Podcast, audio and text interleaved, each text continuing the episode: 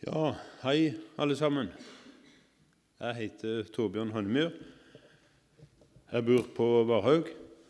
Jeg har vært uh, misjonær i Etiopia i Det er bokstavene, det er ikke det for noe? NBM. Det er ikke noe jeg skal blande meg opp i? Nei, nei, fint. Jeg lurer på om jeg skulle få den opp, men nei. Fint. Uh, jeg bor på Varhaug, og så er jeg gift med Grete, og så har jeg to barn som er sånn halvvoksne. Og så jobba jeg med, var misjonær i Etiopia. Jobba med mennesker for så vidt der eh, fra 1992 til 2005. Og Så kom jeg hjem til Norge, og så jobba jeg litt med spiker i fem-seks år i byggebransjen. Og så For et år siden så begynte jeg på Tryggheim lærer på bygg- og anleggsteknikk. og Da jobba jeg litt med både spiker og mennesker samtidig, og det er ganske, ganske interessant, egentlig. Så unge mennesker, det er en utfordring, og, så er det gildt òg. Sånn er det. Jeg har vært her i Misjonshallen en gang før huset, iallfall. Kanskje to, men iallfall ei. Og da husker jeg det at jeg husker hva jeg talte om. Jeg husker jeg talte veldig lenge. Jeg håper ikke dere husker det. Men det var på 90-tallet, så dere husker ikke det. dere. Og så, så talte jeg om Kain og Abel. Det husker jeg òg, ja. Men jeg skal prøve å ikke tale så lenge i dag. I Etiopia så bodde jeg i et hus som, noen år da, i et hus som de kalte for Malena-huset. Og Det var oppkalt etter Malena Bjelland. som, jeg vet ikke, Hun bodde iallfall i Sandnes. Jeg besøkte henne her. Eh, var hun fra Sandnes? Nei, men hun bodde her. men Noen av dere kjente henne helt sikkert. ja. Malena Bjelland det var en Det var ei stor dame. Det var mange folk i Javello i den byen som kom og sa at Malena hun er min mor. Og Da mente de selvfølgelig ikke akkurat genetisk, da, men de mente det at hun hadde redda livet på dem og hjulpet dem. Eh, enten ved å gjøre dem friske for sykdom, kanskje vaske sårene deres hver uke fra spedalskhet og den slags, eller hun hadde hjulpet dem med andre ting. Eh, materielt eller kanskje åndelig. Så Malena var et stort menneske, og det var en ære å få bo i Malena-huset. det må jeg si. Så skal vi se på dagens tekst i dag, og det er fra kapittel 3 i Matteus. Ehm. Og Det er om døperen Johannes og når Jesus ble døypt. Og det må jeg si, det der er vanskelige greier. Og Jeg var frista til å stikke av fra den teksten og finne en annen tekst. Men så tenkte jeg nei, dette er en anledning til å studere litt på dette og prøve å forstå litt og bli oppbygga av den teksten. Og Så håper jeg at eh, både jeg og at vi alle kan bli litt oppbygga av det budskapet der. Eh, statsministeren vår hun holdt en tale for en stund siden. Og så var det en eller annen sånn forstå-seg-på-år etterpå som sa det at statsministeren holdt en god tale. Og så tenkte jeg ja vel, hva er en god tale? Er det en tale med velvalgte ord, med at du sto riktig, at stemmen var passe høy, og, og at blikket riktig. Ja, det er viktig, det. Det er en god tale. Godt budskap. Ja. ja. Fint. Men først og fremst, en god tale det må jo være noe som eh,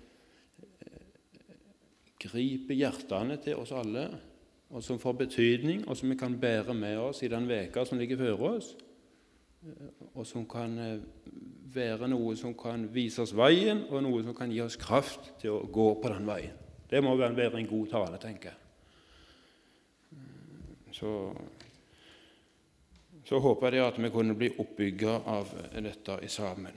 Om døperen Johannes, om eh, Johannesdåpen, hva er forskjellen på Johannesdåpen og den kristne dåpen? Vanskelige greier. Og også det med selv når Jesus ble døypt, og om det som ble sagt der. Dette skal vi se litt på. La oss be sammen først. Himmelske Far. Vi ber deg om din nåde og om din hjelp.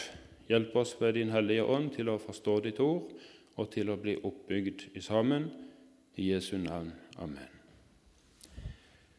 Matteus kapittel 3, vers, vi leser hele kapittelet fra vers 1. I de dager sto døperen Johannes fram og forkynte i Judeas ørken.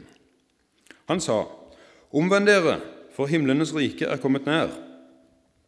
Det er ham det er talt om av profeten Jesaja, som sier:" Det er en røst av en som roper i ørkenen:" Rydd Herrens vei, gjør hans stier rette. Johannes var kledd i en kappe av kamelhår og hadde et lærbelte om livet, og hans mat var gresshopper og vill honning. Da dro Jerusalem og hele Judea og hele landet ved Jordan ut til ham, og de ble døpt av ham i elven Jordan idet de bekjente sine synder. Men da han fikk se mange fariseere og sadukeere komme til hans dåp, så sa han, Ormeyngel, hvem lærte dere å flykte fra den kommende vrede? Så bær da frukt som er omvendelsen verdig. Og tro ikke at dere kan si ved dere selv, vi har Abraham til far. For jeg sier dere, Gud kan oppvekke barn for Abraham av disse steinene. Øksen ligger allerede ved roten av trærne. Hvert tre som ikke bærer god frukt, blir hogd ned og kastet på ilden. Jeg døper dere med vann til omvendelse, men han som kommer etter meg, er sterkere enn jeg. Jeg er ikke engang verdig til å bære skoene hans. Han skal døpe dere med Den hellige ånd og ild. Han har sin kasteskovel i hånden og skal rense sin treskeplass. Hveten vil han samle i låven, men agnene skal han brenne opp med ild som ikke kan slokkes. Da dro Jesus fra Galilea til Jordan og kom til Johannes for å bli døpt av ham. Men Johannes nektet ham det og sa, 'Jeg trenger å bli døpt av deg, og du kommer til meg.' Men Jesus svarte ham og sa, 'La det nå skje, for slik er det riktig av oss å fullføre all rettferdighet.' Da lot han det skje. Da Jesus var blitt døpt, steg han straks opp av vannet, og se, himmelen åpnet seg, og han så Guds ånd stige ned som en due og komme over ham. Og se, det lød en røst fra himmelen. Dette er min sønn, den elskede. I ham har jeg velbehag. Døperen Johannes han var en slags eh, stafettpinnebærer han eh, tok imot stafettpinnen fra profetene i Det gamle testamentet, og så overleverte han dem til de som fortsetter i Det nye testamentet, i den nye pakts tid. Og Så sier Jesus, eller han blir kalt for budbærer og veirydder for Jesus. Han skulle rydde veien, gjøre det klart. Og så sier Jesus om han, han var mer enn en profet. Ja, blant de som er født av kvinne, så er ingen større enn Johannes, sier han. Men det minste i Guds rike er større enn han. Merkelig. Ingen som er større enn han av de som er født blant kvinner, men allikevel, i Guds rike, så er det minste i Guds rike større enn han. Uh, la oss litt om det. og han, uh, Jens Ola Mæland sier det at døyperen representerer den gamle pakts høydepunkt og sluttpunkt, men dette høydepunktet er for ingenting å regne mot det som kommer. Så døperen Johannes han var på en måte, han overleverte stafettpinnen. Han var i, i, tilknytningspunktet mellom den gamle og den nye tid, mellom den gamle og den nye pakt. Og så gjorde han det klart for at Jesus eh, skulle komme. Uh, så døypte Johannes der i ørkenen, og så sier han, 'Jeg døper dere med vann til omvendelse, men Han som kommer etter meg, han skal døpe dere med Den hellige ånd og ild. Merkelig. Døpe dere med hellig ånd og ild. Hva er forskjellen på Johannesdåpen og den kristne dåpen? I alle fall skal ikke si forferdelig mye om det, det kan jeg ikke. Men Johannesdåpen var en omvendelsesdåp til syndenes forlatelse. De vendte om der, de angra sine synder der de kom til Johannes og ble døpt med vann. Seinere kan vi lese om at Jesus sine disipler de er også døypte. Men det òg jo faktisk Johannesdåpen, egentlig. Eh, for det eh, Den kristne dåpen kom jo ikke før Jesus sa 'Meg har gitt all makt i himmel og på jord'. Gå derfor ut og gjør alle folkeslag til mine disipler, i det dere lærer dem og døyper dem i Faderens og Sønnens og Den hellige ånds navn. Da begynte den kristne dåp, egentlig. For det, at, eh, det står også en annen plass at eh, den kristne dåpen er en dåp til hans død, altså til Jesu død. ikke sant vel? Og Jesus var ikke død ennå. Eh, Så Derfor så var det nok Johannesdåpen faktisk som de disiplene på den tida døypte med. En omvendelsesdåp til syndenes forlatelse. De vendte om, de angra sin synd, de ble døpt, og de fikk syndenes tillatelse i den dåpen, eh, står det. Og så står det at etterpå meg så skal han komme som skal døype med Den hellige ånd og ild. Ok, Den hellige ånd kom på pinsedag som de har tungene av ild oppå hodene på de disiplene. Da kom Den hellige ånd, og da eh, kom Den hellige ånd egentlig til jord. Det, det var Johannesdåpen. Så den kristne dåpen, ja. Eh, så står det i apostelgjerningene kapittel 2 og vers 38. Peter sa til dem:" Omvend dere og la dere døpe på Jesu Kristi navn til syndenes forlatelse, så dere skal få Den hellige ånds gave. Her ser vi òg de skal bli døpt i Jesu navn, eller som Matteus sier, i Faderens, Sønnens og Den hellige ånds navn. Det går for det samme. Så skal de få Den hellige ånds navn, eh, hellige ånds gave, og så skal de få syndenes forlatelse. Og Så står det også en annen plass at de blir født på ny i den kristne dåpen, i dåpen. Eh, sånn at det er mye av det samme, de to dåpene, men det er noe mer i den kristne dåpen. De får Den hellige ånd, og de får bli født på ny i den kristne dåpen. Eh, så har vi et spørsmål om voksendåp og barnedåp, og så er det noen som sier det at nei, vi skal døpe de voksne fordi at Jesus ble døpt som voksen. Vi må gjøre det som Jesus sa, vi skal være lydige. Men det blir en misforståelse, for Jesus han ble ikke døpt for det første, ja, han ble ikke døpt uh, med den kristne dåpen, han ble døpt med Johannesdåpen, så det blir ikke sammenlignbart.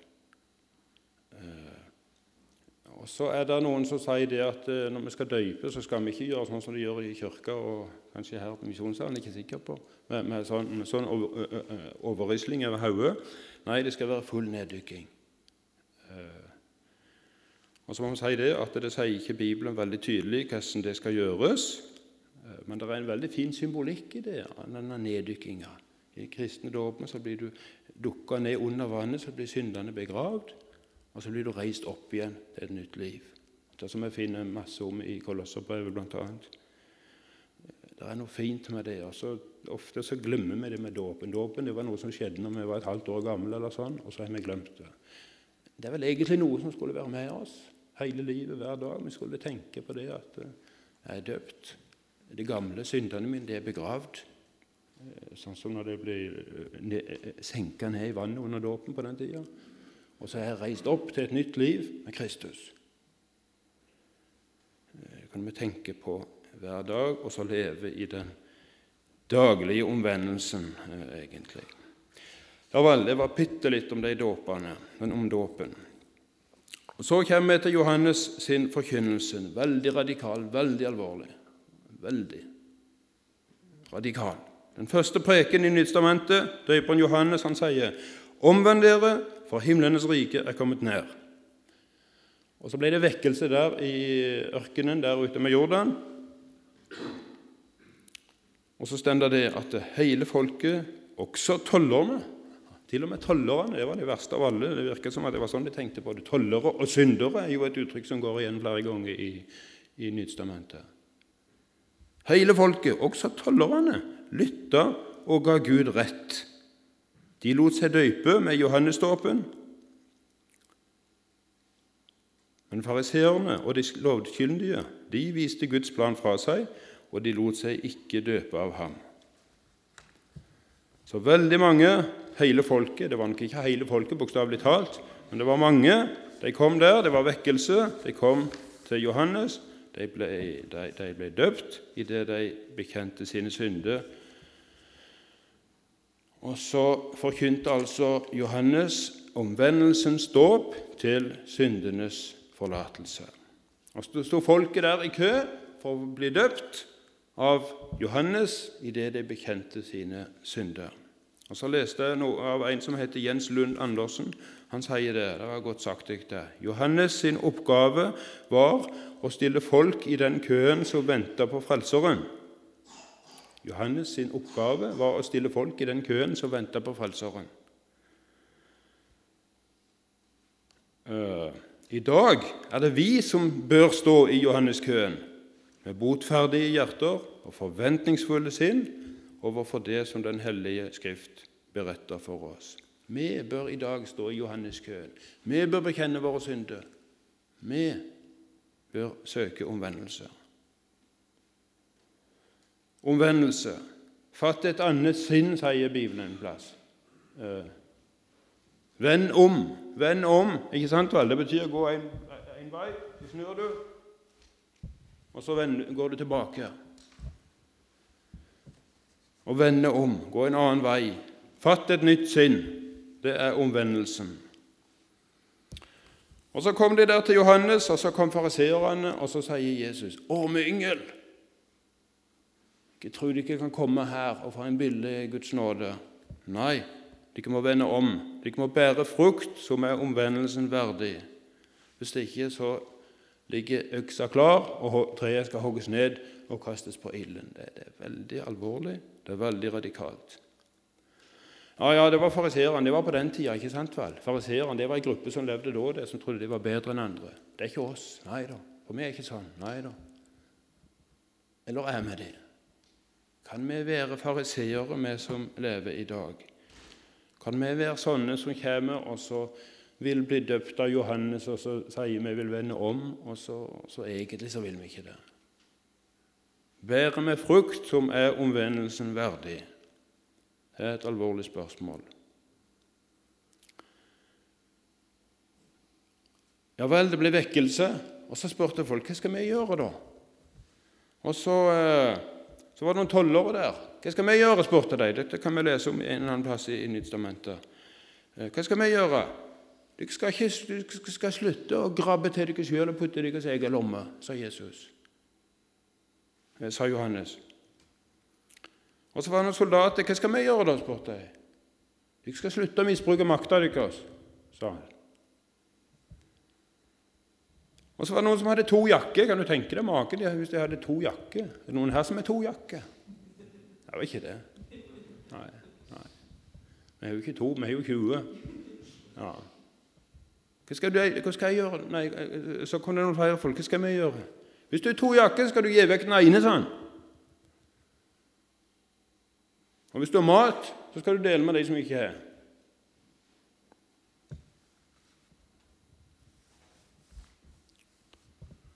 Har du to jakker? Har du mat? Har du mer mat enn du trenger? Har du luksus? Vet du ikke definisjonen på luksus? Vet du hva det er for noe? Det er de som de, de lever i luksus som har mer enn meg sjøl. Det er de som lever i luksus. Ikke hørt det? Det er veldig fint. og Da, er, da er du en skikkelig fariseer hvis du sier det. for det at da, yes, Vi må lage en definisjon som frikjenner oss sjøl. Ikke sant? Ja. Nei. Så vi er ramma her. Vi har et problem her. Vi har et kjempeproblem.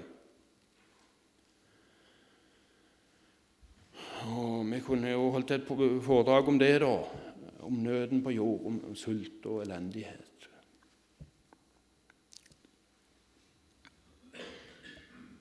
Om eh, problemet mellom nord og sør. Så leser vi historien om slavetida om vi hvite som utnytta de fattige eh, fra Afrika osv. Og så har jeg tenkt på det. Det, det. Heldigvis er det ikke sånn nå lenger, men det er jo sånn nå òg. Vi gjør jo det samme, gjør vi ikke det? Nå er jeg litt Dette har jeg ikke helt og fullt greie på, men jeg har en følelse av at når vi går om butikken og kjøper bukser som skal koste så lite, så sier det seg sjøl at det er noen andre på en annen plass på jorda som må slite uten å få lønn.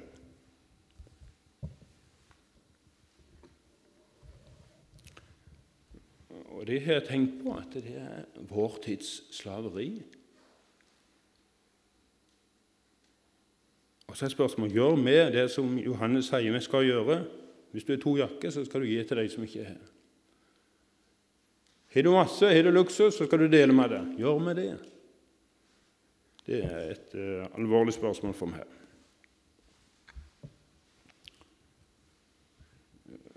Emil i Lønneberget en fin fyr. Hva var det han gjorde for noe? På, på jeg ikke om det var første eller andre juledag, når foreldrene var i kirka, så samla han inn hele fattighuset, hele pakka, og så delte han ut all maten. Det er ganske, Jeg tykker det er svært, det.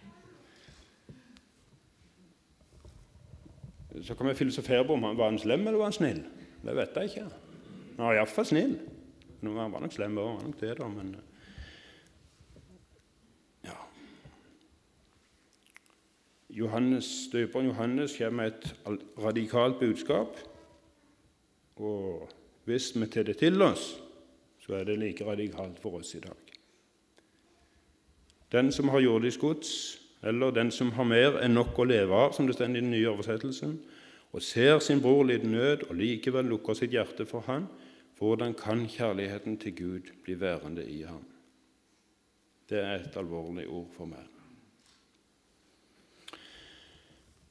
Et radikalt alvor i Johannes døperen sin forkynnelse. Det ble vekkelse når han forkynte dette. Fantastisk. Og Så skal vi gå over på at når Jesus ble døpt Da leser vi de versene en gang til, i vers 13 og utover. Jesus kom fra Galilea til Jordan og kom til Johannes for å bli døpt av ham. Men Johannes nektet han det og sa, 'Jeg trenger å bli døpt av deg, og du kommer til meg.'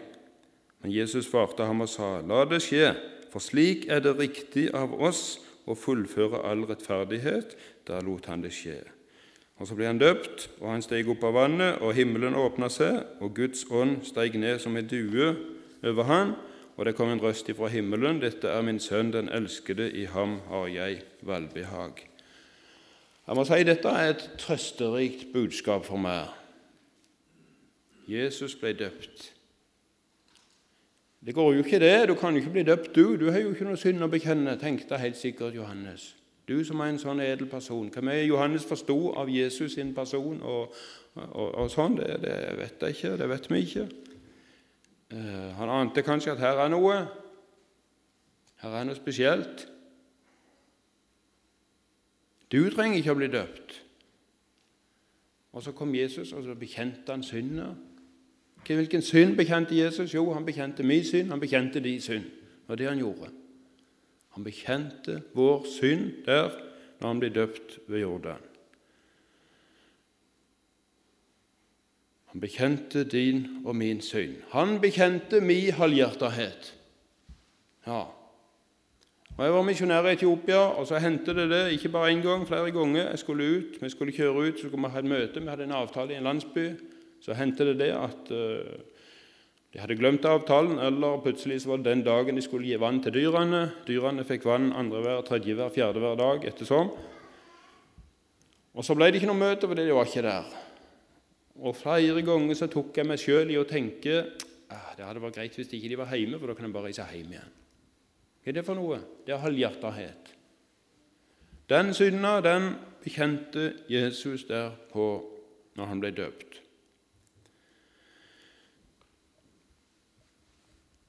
Eller når vi blir sur på en kollega fordi vi er sint på noe annet, eller hvis vi kjefter ut ungene våre fordi vi har fått kritikk av sjefen på jobb. Hva er det for noe? Ja, ja, jeg kan si det er psykologisk mekanisme. Ja, men det er jo synd. Det er jo ikke rett. Jesus bekjente den synda der når han ble døpt. Du som brøt ekteskapet i tanke eller ord eller gjerning. Jesus bekjente den synda.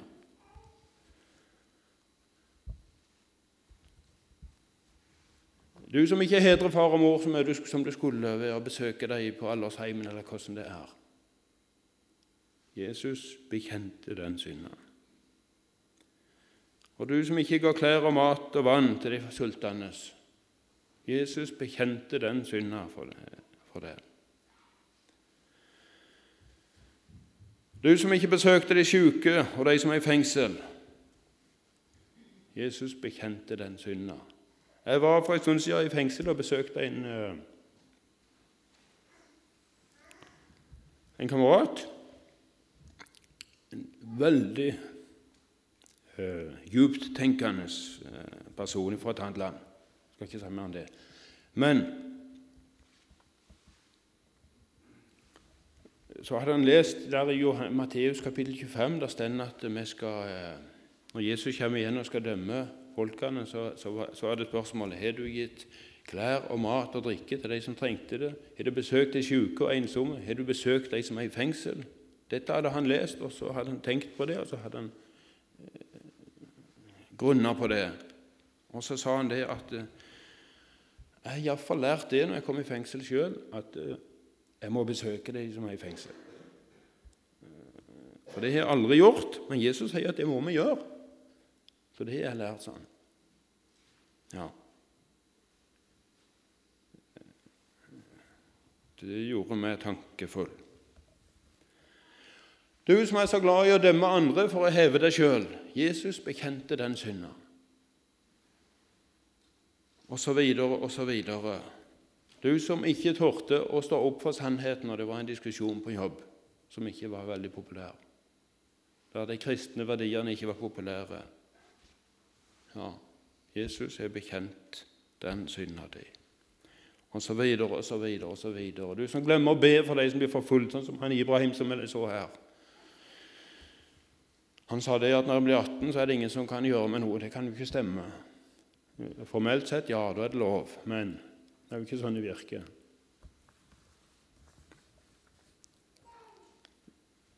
Du blir jo banka, eller det som verre er, eller drept når du blir kristen i visse deler av eh, både Etiopia og ikke minst andre land i området der og, og rundt i verden. Så glemmer vi til og med å be for dem. Jesus bekjente også den synden. Det tykker jeg er ganske trøsterik. For det så står det dette må vi gjøre for å oppfylle all rettferdighet. Aha. Johannes, hør her. Jeg må bli døpt for å oppfylle all rettferdighet. Jesus ble døpt for å oppfylle rettferdigheten. Det var rettferdig, eller var det det? Var det rettferdig at Jesus skulle lide og dø for dine og mine synder? Etter vårt begrep så var ikke det rettferdig. Hvis jeg har gjort noe galt, så skal jeg betale. Hvis du har gjort noe galt, så skal du betale. Sånn er det. Det er rettferdigheten. Nei, det var ikke Guds rettferdighet. Guds rettferdighet sier at det var rettferdig at Jesus betalte for dine og mine synder. Det var rettferdig. For Jesus måtte bli døpt. Han bekjente våre synder. Det var begynnelsen på hans tjeneste, som kulminerte med at han, dø, han måtte dø. og måtte betale for våre synder. Det var rettferdig. Dette er Guds rettferdighet, at Jesus betalte for mine og dine synder. Etter våre begrep? Nei, det er feil. Det er ikke rettferdig. Det er urettferdig. Vi takker for det. Det er nåde. Ja, fint. Men altså, det er, Guds, det er rettferdig etter Guds ord. Det er Guds rettferdighet. Og Så står det der i Korinterbrevet, 2. Korinterbrev, kapittel 5.: Han som ikke visste av synd, ble, har han gjort til synd for oss, for at vi i Han skulle få Guds rettferdighet. Vi fikk Guds rettferdighet i Jesus. Hva da for? Jo, fordi at eh, Jesus ble døpt, han døde, han lei. Da ble den rettferdigheten oppfylt. Eller i Filipperbrevet så står det der Jeg bryr meg ikke om det som det, det, det gamle, sier Paulus. Bare jeg, kan, eh, bare jeg kan vinne Kristus og bli funnet i Han, ikke med min egen rettferdighet, den som loven gir, men med den rettferdigheten som jeg får ved troen på Kristus. Det er rettferdigheten fra Gud, bygd på tro. Guds rettferdighet, den, ble, den måtte skje, og det begynte når Jesus ble døpt. Det er fantastisk. Og så står det enda et ord i 1. Johans brev kapittel 1 vers 9. Hva står der? Dette kjenner vi sikkert. Dersom vi bekjenner våre synder, er Han trofast og rettferdig, så Han tilgir oss syndene og renser oss fra all urett. Ja, At Han er trofast, det forstår vi. Hvis jeg har gjort noe galt, og Jesus er bekjenner, jeg bekjenner det, og Jesus tilgir meg, så er Han trofast. Det forstår vi. Men Han er til og med rettferdig. Det er rettferdig at Han tilgir meg min synd når jeg bekjenner den. For det han har oppfylt rettferdigheten. En, en, en sterk tanke, tykker jeg. En radikal tanke. Guds rettferdighet. Og så kom den stemmen Du er min sønn, den elskede, i ham har jeg velbehag. Og så På grunn av det så har altså Gud velbehag til og med i det og med, til og med når vi gjør gale ting. Og Så er det en sang i sangboka som jeg må si jeg er veldig glad i. Eh, Sigvart Engeseth. 'Slik som jeg var, kom jeg til Gud og fikk jubla min far.' Og så videre. Skyldig til døden for syndene mange, bunden i lekker fra syndevegg lange ja, og så videre. Barn fikk jeg være, og Gud var min far, slik som jeg var. Slik som jeg var. Det er fint. Men det som kommer nå, det er jo enda mye bedre. Det er ikke bare slik, det er greit jeg har gjort mye galt. Ja, Gud er tilgitt meg. Halleluja. Fint. Men det er noe som er enda bedre. Til og med slik som jeg er, kommer i vers 3 og 4. Det, det, det. Slik som jeg er, Herren i nåde til barnet sitt sær. Om synder og tvil, det er hele min ære. Han er min frelser, og det vil han være. Han gjorde alt, jeg skal ingenting gjøre. Amen, ja, amen, til himmelen jeg fer, slik som jeg er. Det tykker jeg er sterkt. Ja, jeg er ikke sånn som jeg skulle være.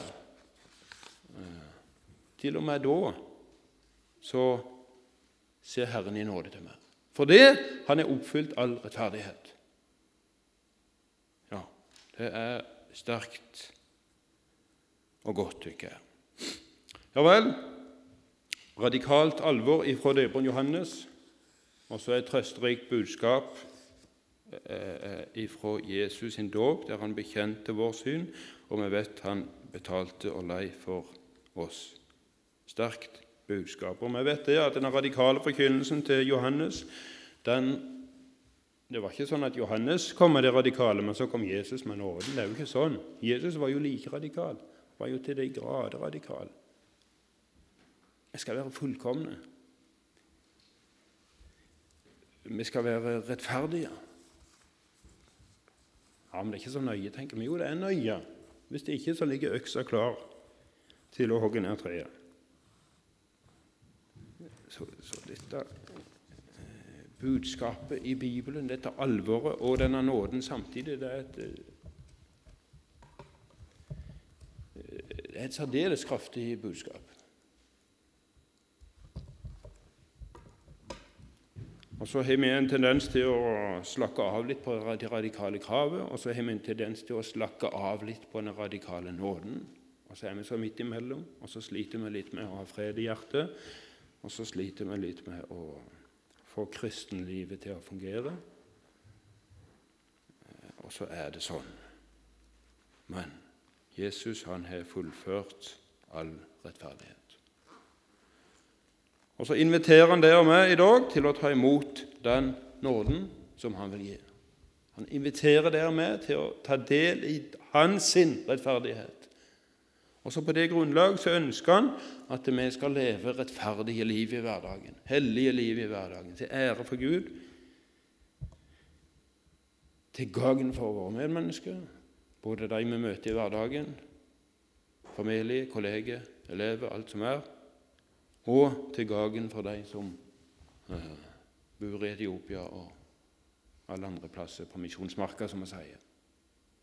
Men Gud hjelper oss til å leve det livet som Han kaller oss til.